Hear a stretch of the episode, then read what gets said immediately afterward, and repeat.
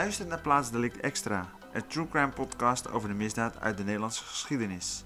Waar gebeurde de misdaad die Nederland schokte? Maar hoe zat dat ook alweer? Je hoort elke twee weken een nieuw dossier. Foto's over deze zaak vind je op mijn Instagram pagina plaats.delict podcast. Dit is deel 2 over Henk Rommy, alias de Zwarte Cobra. In deel 1 ging het over de liquidaties waar Henk Rommy toevallig aan gelinkt werd en nooit voor veroordeeld is. Gaat het in deel 2 over zijn verraad aan de DEA en mogelijk toch nog een veroordeling in Nederland. We beginnen in de tijd dat het gezin van Henk Rommy het niet erg breed had. Beklaagde Rommy's vrouw zich wel eens aan het gebrek aan geld om eten of kleding te kopen. Vooral ook het ontbreken van een autootje viel haar zwaar. Henk besloot haar te verrassen. Zijn vrouw hoorde op een ochtend buiten een auto toeteren, niet één keer, maar een aantal keer, en op een ritmische toon, waardoor haar aandacht werd getrokken. Ze liep naar het voorraam van haar flat op de eerste etage en keek naar beneden. Vlak onder het raam zag ze Henk staan. Triomfantelijk keek hij omhoog en zwaaide uitbundig. Achter Henk stond een auto, geheel ingepakt in roze papier, met een gigantische roze lint eromheen. Hij wenkte haar naar beneden. Geheel verbouwereerd kwam zijn vrouw de trap af. Vol ongeloof liep ze naar Henk en de ingepakte auto. Ze kon geen woord uitbrengen. Henk staalde en glimlachte van oor tot oor. Voor jou, lieve schat, zei Henk en reikte haar een autosleutel aan. Als de vrouw van Henk Rommy het papier van de auto trekt, komt een glimmende groene Porsche Cabrio tevoorschijn. De vrouw gaat vervolgens met haar moeder een stukje rijden. Na verloop van tijd worden ze klemgereden door verschillende politieauto's en door agenten met getrokken pistolen, gesommeerd de auto te verlaten, met de handen omhoog. De agent wenkte de bestuurder naar de voorkant van de Porsche. Kijk eens, zei hij, en hij wees naar de nummerplaat. Ja, nou, snauwde de vrouw van Henk. Wat staat daar? snauwde de agent op zijn beurt. AA02. Lekker belangrijk, zei de vrouw van Henk. Hoezo dat? U begrijpt het niet, vroeg de agent, iets minder snauwend en met verbazing in zijn stem. Nee, ik heb geen idee wat hier aan de hand is, snauwde ze weer. AA02 is het kenteken van de koninklijke familie, mevrouw. Deze auto is gestolen van prins Bernhard. Een paar uur later zat Henk Rommy op het bureau. Zijn vrouw en haar moeder waren verhoord en zaten op de gang te wachten. Tja, zei Henk, mevrouw is mijn prinses. Ze wilde een auto en ze verdiende een koninklijk voertuig. In 1996 speelde Henk Rommy een bijzondere rol in het proces tegen de hakkelaar, Johan Verhoek. In dit proces verklaarde Henk Rommy dat kroongetuige Fuad Abes in heroïnehandel zat. Fuad Abes legde vervolgens over Henk Rommy een verklaring af. Na deze tijd werd Henk Rommy diverse malen opgepakt en veroordeeld. In 1999 werd hij in diezelfde week opgepakt als drugshandelaar Charles Swolsman en verband hiertussen is nooit gevonden. In 1997 sluit de Cobra een deal met de Belastingdienst. Die geld wil zien van de inkomsten uit de drugshandel tussen 1990 en 1995. Henk Rommy hoeft niet de beoogde 20 miljoen gulden te betalen, maar slechts 4 miljoen. Hij betaalt, maar loopt korte tijd later opnieuw tegen de lamp in een van de grimmigste zaken uit zijn loopbaan. Een transport van 50 kilo cocaïne, 364 kilo has en 198 kilo marihuana naar Groot-Brittannië loopt in het honderd. Henk Rommy ontkent betrokkenheid, maar chauffeur Willy R. verklaart dat Henk persoonlijk heeft geholpen met het laden van de smokkelwagen. Uit angst voor represailles verdwijnt deze Willy R. in het beschermingsprogramma van justitie. In september 1997 waarschuwde justitie dat de criminele Joegoslavische groepering van Momo Popovic hem wilde opblazen omdat hij een cocaïnetransport naar Engeland had doen mislukken. Hoofddader zouden Jerry P. en Dejan I. zijn. Officier van Justitie Fred Teven, normaliter de tegenstander van de Zwarte Cobra, waarschuwt Henk Rommy, die op het moment sowieso al ondergedoken zit wegens het moordplan. Henk Rommy is Fred Teven daar nog altijd dankbaar voor. In 1999 werd de vriendin van Momo Popovic gedood door het opblazen van haar auto. Henk Rommy werd hiervoor verantwoordelijk geacht, maar hij werd hiervoor niet opgepakt. Op woensdag 14 januari 1998 arresteerde de Spaanse politie de drugsbaron in het Zuid-Spaanse plaatsje Fuengirola. nabij Malaga. Ondanks een jaar van zijn verzet tegen de uitlevering brengen de autoriteiten Henk Rommy op 24 april 1999 naar Nederland. Het OM houdt Henk Rommy op dat moment verantwoordelijk voor het handel in drugs, maar ook voor de bomaanslag op 1 juli 1999 in Amsterdam. Daarbij komt Deborah Hortsman om het leven, die vriendin van de eigenlijke doelwit Jerry Milet P. De Joegoslavische drugshandelaar die we kennen als de man voor wie Fred Teven de Cobra had gewaarschuwd. Justitie heeft het vermoeden dat hij zijn vijand heeft willen uitschakelen. Naarmate de lijst van dit soort verdenkmakingen groeit, komt Henk Rommy dieper en dieper in de nesten te zitten. Hij is zijn humor nog niet verloren, melden insiders, maar achter de vrolijke tronie gaat veel spanning schuil. Het is misdaadverslaggever Peter R. de Vries die Henk Rommy in deze periode introduceert bij het grote publiek. Peter R. de Vries bezoekt op het Venezuela eiland Isla Margarita een zekere Bert Schilder, die door justitie is voorzien van een nieuwe identiteit, Bram Zwaluw. Bert Schilder heeft de recherche op het laatste verblijfplaats van de Zwarte Cobra gewezen en is nadien, net als de genoemde Willy R., in een getuigenbeschermingsprogramma gezet. Maar Bert Schilder lijdt aan longemfyseem en klaagt dat hij op het eiland wegkwijnt. Terug naar Nederland kan hij niet, zo jammert hij, want hij is als de dood dat hij zal worden neergeknald door mensen in dienst van de beruchte Henk Rommy. Bert Schilder zal in 2004 overlijden aan zijn ziekte. Henk Rommy weet dat men hem van alles beschuldigt, zoals de uitzending van Peter de Vries illustreert. Hij probeert het daarom rustig aan te doen in de crèmebranche. Hij verblijft vanaf de millenniumwisseling na zijn vrijlating veel bij zijn vriendin in Spanje. De wil om de grootste in zijn vak te worden is er niet meer, maar toch kan hij de verleiding niet weerstaan, zo nu en dan in gesprek te gaan met mensen uit het milieu. Maart 2003 reist de Cobra met iemand die hij beschouwt als een vriend, Alex V, naar de Bermuda's om de levering van een grondstof van ecstasy te regelen. Deze zakenpartner is echter een undercoveragent die alles op band laat vastleggen. Op 12 november 2003 arresteert de Spaanse politie Henk Rommy op verzoek van de Amerikaanse autoriteiten in Zuid-Spanje. Following call was made on August 7th, 2002. Approximate time is 2:25 Eastern Time. Call was made by a CS to Hank Romy. In 2004 werd Henk Rommy op verzoek van de Amerikaanse autoriteiten aangehouden in Spanje op verdenking van betrokkenheid bij de smokkel van duizenden ecstasypillen. Nadat Henk Rommy door de Spaanse autoriteiten aan Amerika is uitgeleverd, waarbij Nederland geen strobeeld in de weg legt, veroordeelt de Amerikaanse rechter dat hij schuldig is aan de betrokkenheid bij het smokkel van ecstasypillen. Op 17 januari 2006 veroordeelt men hem in de VS tot een maximale straf van 20 jaar gevangenis en een boete van 1 miljoen dollar.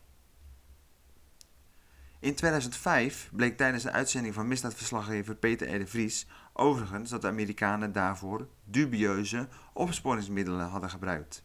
Er zou sprake geweest zijn van uitlokking, maar tegen het Amerikaanse systeem kan zelfs Henk Rommy met zijn slangachtige gaven weinig beginnen. In dit fragment hoor je dat Henk Rommy twijfelt om drugs te leveren aan de Verenigde Staten, maar hij wordt langzaam overgehaald. know, in dangerous. As far as? Oh, everything. In the man. In Holland, you can do everything. The police is nice. Right. Yeah, not bad, eh? Oh, not so bad, not so bad, but America, oh, they're bad. A lot more liberal over there. And in America, you can get you a lot of punishment. In Holland, I guess you're not even not. Sindsdien reist hij binnen het Amerikaanse gevangenissysteem van bias naar bias en tekent hij zijn ervaringen op voor de website crimesite.nl. Lezers van deze site lezen over zijn zieke medegevangenen, de oorlog tussen gangs en het leven in de Amerikaanse detentiecentra als Gilmer, waar gevangenen die een grote mond opzetten onmiddellijk richting de hol vertrekken, de isolatiecel. Het leven van Henk is daarmee boeiend genoeg voor een spannende speelfilm. Een film die niet alleen gaat over een slimme, magere inbreker, maar vooral over een man die het lachen is vergaan. Berichten uit de Baaiers, boek van Henk Rommy, biedt een nooit eerder vertoonde inkijk in het onthutsende en wanhopige leven van een Nederlandse gevangene in een Amerikaanse cel. Ook bevat dit boek een uitgebreide biografie van de turbulente carrière van Henk Rommie. Henk Rommie probeert tijdens zijn tijd in de VS zo goed en zo kwaad als dat gaat de ontwikkelingen in het grote liquidatieproces bij te houden. Bij het passageproces stonden elf verdachten terecht voor tien moorden of pogingen daartoe in de Amsterdamse onderwereld. Verdachten waren onder meer Dino Sorel, Jesse R. en Mohamed Moppie R. Een zoon van Henk zit in 2006 in de gevangenis op verdenking van het plegen van plofkraken. David Rommie werd in de vroege morgen van 20 september aangehouden en in Bouwkeet in Soest. Nadat er in de plaats twee plofkraken waren geweest. In de nacht van 19 op 20 september 2016 om 3 uur s'nachts kreeg de politie een melding van een plofkraak bij een supermarkt aan de burgemeester Grottestraat in Soest. Een kwartier later was er een plofkraak bij de supermarkt aan de Tamboerijn in Soest. Getuigen zagen daar verdachte vluchten in de auto. In een zoekactie, waarbij ook een helikopter werd ingezet, kregen agenten rond half zes drie verdachten in het oog. Ze hebben zich verschanst in een bouwkeet en werden aangehouden. Onder hen was David Rommie.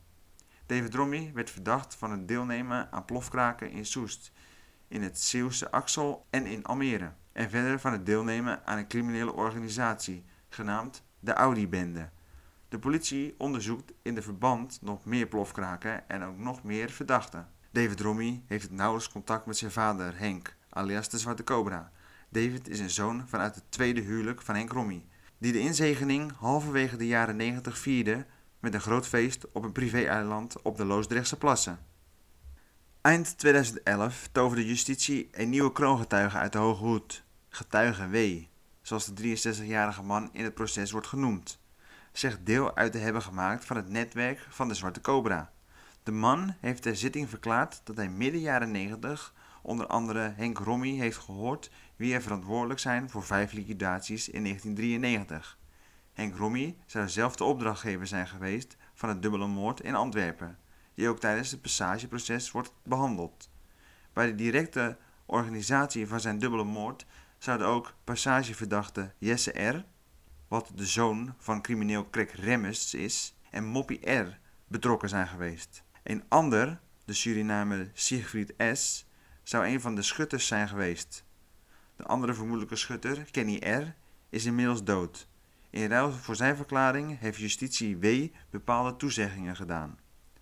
Het passageproces bestaat uit elf verschillende onderzoeken, zoals onder andere het onderzoek Cobra, liquidatie Henny Chamel en Anne de Wit, onderzoek Agenda, liquidatie op Kees Houtman, onderzoek Perugia, liquidatie Thomas van der Bijl en onderzoek OPA, liquidatie Tony van Maurik. Hiervoor zijn veel mensen voor veroordeeld, waaronder Jesse R., Moppie R., Siegfried S., Nan Paul de B., Fred Ros en Peter Lacerpe. Op 19 januari 2021 kwam Henk Rommie vrij en vloog terug naar Nederland, waar hij meteen werd opgepakt vanwege zijn veroordeling in 2001, waarvoor hij nog 14 maanden moet uitzitten. Ook wordt een strafzaak voorbereid voor de moord uit 1993 op de drugshandelaar en zijn vriendin in Antwerpen, die eerder al naar voren kwam in het passageproces. Hij zat vast in Dordrecht en zijn advocaat is Mark Turlings. In 2012 maakte de officier van justitie al duidelijk tijdens haar requisitair in de zaak omdat er geen verjaringstermijn meer geldt voor zware delicten als moord, staat de justitie dus vrij om Henk Rommie 30 jaar na dato alsnog te vervolgen. Vanaf juni 2022 mag hij zijn proces in vrijheid afwachten, omdat Henk Rommie gezondheidsproblemen heeft vanwege een hartkwaal. Advocaat Mark Turlings ontving in 2022 een anonieme brief van iemand die zegt vroeger bij het kernteam in Amsterdam en het Korps Landelijke Politiediensten KLPD te hebben gewerkt. Hij of zij stelt in de brief dat er rond Henk Rommie veel spel is gespeeld. Er is volgens de bron in Spanje door de Nederlandse politie heimelijk samengewerkt met de Amerikanen. Een man die de enige tijd hoofd van de criminele inlichtingendienst van de politie in Amsterdam is geweest, zou persoonlijk Henk Rommie hebben aangewezen op een terras, zodat de Spaanse politie hem kon aanhouden. De briefschrijver zegt dat de gang van zaken rond de uitlevering van Johan van Laarhoven aan Thailand en vlieger Julian Pors aan Argentinië te vergelijken is. De advocaat zet de oud-politieman Klaas Langedoen op de zaak. Klaas Langedoen concludeert in een rapport op grond van een aantal gesprekken met politiemensen, onder wie naar zijn zeggen ook hogere in rang, dat de visie van de briefschrijver in bredere kring wordt gedeeld. De eerder genoemde inlichtingenchef zou leiding hebben gegeven aan de operatie tegen Henk Rommy in nauw samenwerking met de DEA. Daarvoor waren twee verzoeken van de DEA om in Nederland een criminele burgerinfiltrant op Henk Rommy in te zetten, door de toenmalige minister van Justitie afgewezen. Maar ondertussen zette de Amsterdamse politie de operatie toch door, volgens de bronnen van Klaas Langendoen. Bepaalde kringen binnen de recherche vonden het een goed idee om zware criminelen via buitenlandse route lange tijd op te bergen. In landen waar zware straffen worden uitgedeeld. De gedachte was niet alleen dat ze een zware straf zouden krijgen, maar tevens dat door uitlevering vanuit een ander land, Spanje in dit geval, naar de Verenigde Staten, is de mogelijkheid om in Nederland de straf uit te zitten was afgewezen. Toen de passageproces in 2007 een aanvang nam en ook de naam Henk Rommy opdook, vroeg Henk Rommy of hij naar Nederland kon worden overgebracht om hier berecht te worden. Dat was vanwege de afspraken met de Verenigde Staten uitgesloten, al dus Klaas Langendoen, en justitie deed er ook geen moeite voor. De officier van justitie wilde weinig woorden aan het betoog van de advocaat van de Zwarte Cobra vuil maken. Hij bracht in herinnering dat de zaak draait om de dubbele moord in Antwerpen. De perikelen rond de uitlevering van Henk Rommy uit Spanje spelen geen rol in die zaak. Het is juridisch niet relevant voor het onderzoek Cobra, al dus de officier. Hij wil niet dat de rechtbank na het onderzoek daarnaar doet. Mark Teurlings, de advocaat, vroeg de rechtbank om enkele politiefunctionarissen als getuigen te mogen horen. Onder hen ook het oud-hoofd van de inlichtingendienst van Amsterdam. Verder wil hij een aantal destijds betrokken officieren van justitie en de Nederlandse criminele burgerinfiltrant als getuigen horen. Dit is alleen nooit gebeurd. Er is ook nog een ander scenario. Dat begon al bij de recherche in België, die niet met de drie Interpol-meldingen deed. Twee uit Duitsland en één uit Libanon, waaruit duidelijk bleek dat de Nederlandse harshandelaar Stanley Kai Esser achter de moord zat. Of een prijs op het hoofd van Henny Chamel had gezet. Ook zijn er getuigenverklaringen die erop duiden dat Henny Chamel een prijs op het hoofd kreeg van een man door wie hij was neergeschoten. Het was niet Henk Rommy, maar juist Stanley Esser die door Henny Chamel was neergeschoten. En het Nederlandse dossier over Stanley Esser belandde nooit in België en is ook nu nog spoorloos. En de rechtercommissaris vergeleek het dossier met het verdwenen fotorolletje uit Srebrenica. De Nederlandse onderzoeksleider verklaarde bij de rechtercommissaris dat hij nooit onderzoek naar Stanley Esser heeft gedaan. Stanley Esser is in december 2020 door een natuurlijke oorzaak overleden. Bovendien ziet de advocaat van Henk Rommy, Mark Turlings, in reden dat Stanley Esser in Nederland in 1993 door de recherche met rust gelaten werd. Het was de tijd van de IRT-affaire. Het is gebleken dat Stanley Esser een geheime bron van Maarten van Tra is geweest, toen deze de IRT-affaire onderzocht. De twee voerden gesprekken terwijl hun zoontjes aan het hockeyen waren. Maarten van Tra zweeg in zijn rapport over de drugsimporten die Stanley Esser op touw zette met hulp van personeel van de Fiat douanerecherche en ook over dienst witwastraject naar Luxemburg, waar de veiligheidsdienst PVD over rapporteerde. Er zijn aan de andere kant ook getuigen die belastend over Henk Rommy hebben verklaard. Voor de verdediging van Henk Rommy is het probleem dat er zeven van zijn overleden en één, de kroongetuige Peter Lacerpe, onvindbaar is. 30 jaar nadat Henk Rommy verdacht werd, staat hij nu terecht en zijn de belangrijke getuigen niet meer te verhoren. Justitie ziet het als erg belastend dat een vriendin van Henk Rommy een maand voor de moord op Henny Chamel informeerde naar dienstadres.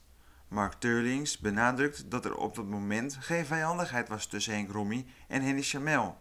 Henk Rommy schonk in die tijd aan Henny Chamel regelmatig tienduizenden guldens, onder meer voor een bezoek aan Chamels moeder in Afrika. Dat blijkt ook uit vriendelijke en uitgebreide tapgesprekken. Mark Turlings vindt het belangrijk dat Henny Chamel op de avond van de moord een afspraak gemaakt had bij zijn huis met Carlos, zoals Stanley Esser zich noemde en werd genoemd, of met mensen van Carlos. Dat ging over de overdracht aan Henny Chamel van een geldbedrag. Er ligt hierover een stevige getuigenisverklaring. Stanley Carlos Esser had een grote schuld bij Henny Chamel. Na de moord stuurde Jesse R. een semafoonoproep aan het toestel dat bij Henk Rommie thuis lag. Die oproep ziet het Openbaar Ministerie als zeer belastend voor Henk Rommie. Mark Turlings, om aan een piepje op te hangen dat Henk hiermee de bevestiging kreeg dat er een moord was gepleegd en hem daarmee opdrachtgever maken, is wel heel erg kort door de bocht. Overigens heeft Jesse R. vanaf zijn laatste woord tijdens zijn veroordeling in de passagezaak gesteld te weten dat Stanley Esser de opdrachtgever was geweest van de dubbele moord.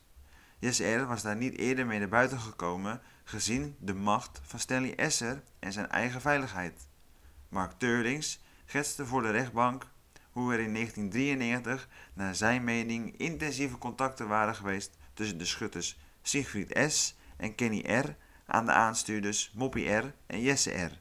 en Stanley Esser en diens broer. En over hoe de moordopdracht zou kunnen zijn verlopen via een vooraanstaande Limburgse crimineel. Eind maart 2023 sprak de rechtbank Henk Rommie vrij van het geven van de opdracht voor de moordaanslag in 1993 in Antwerpen. De rechter ziet wel degelijk aanwijzingen dat hij betrokken was bij de moordaanslag, maar stelt ook dat er te weinig bewijs is voor een veroordeling.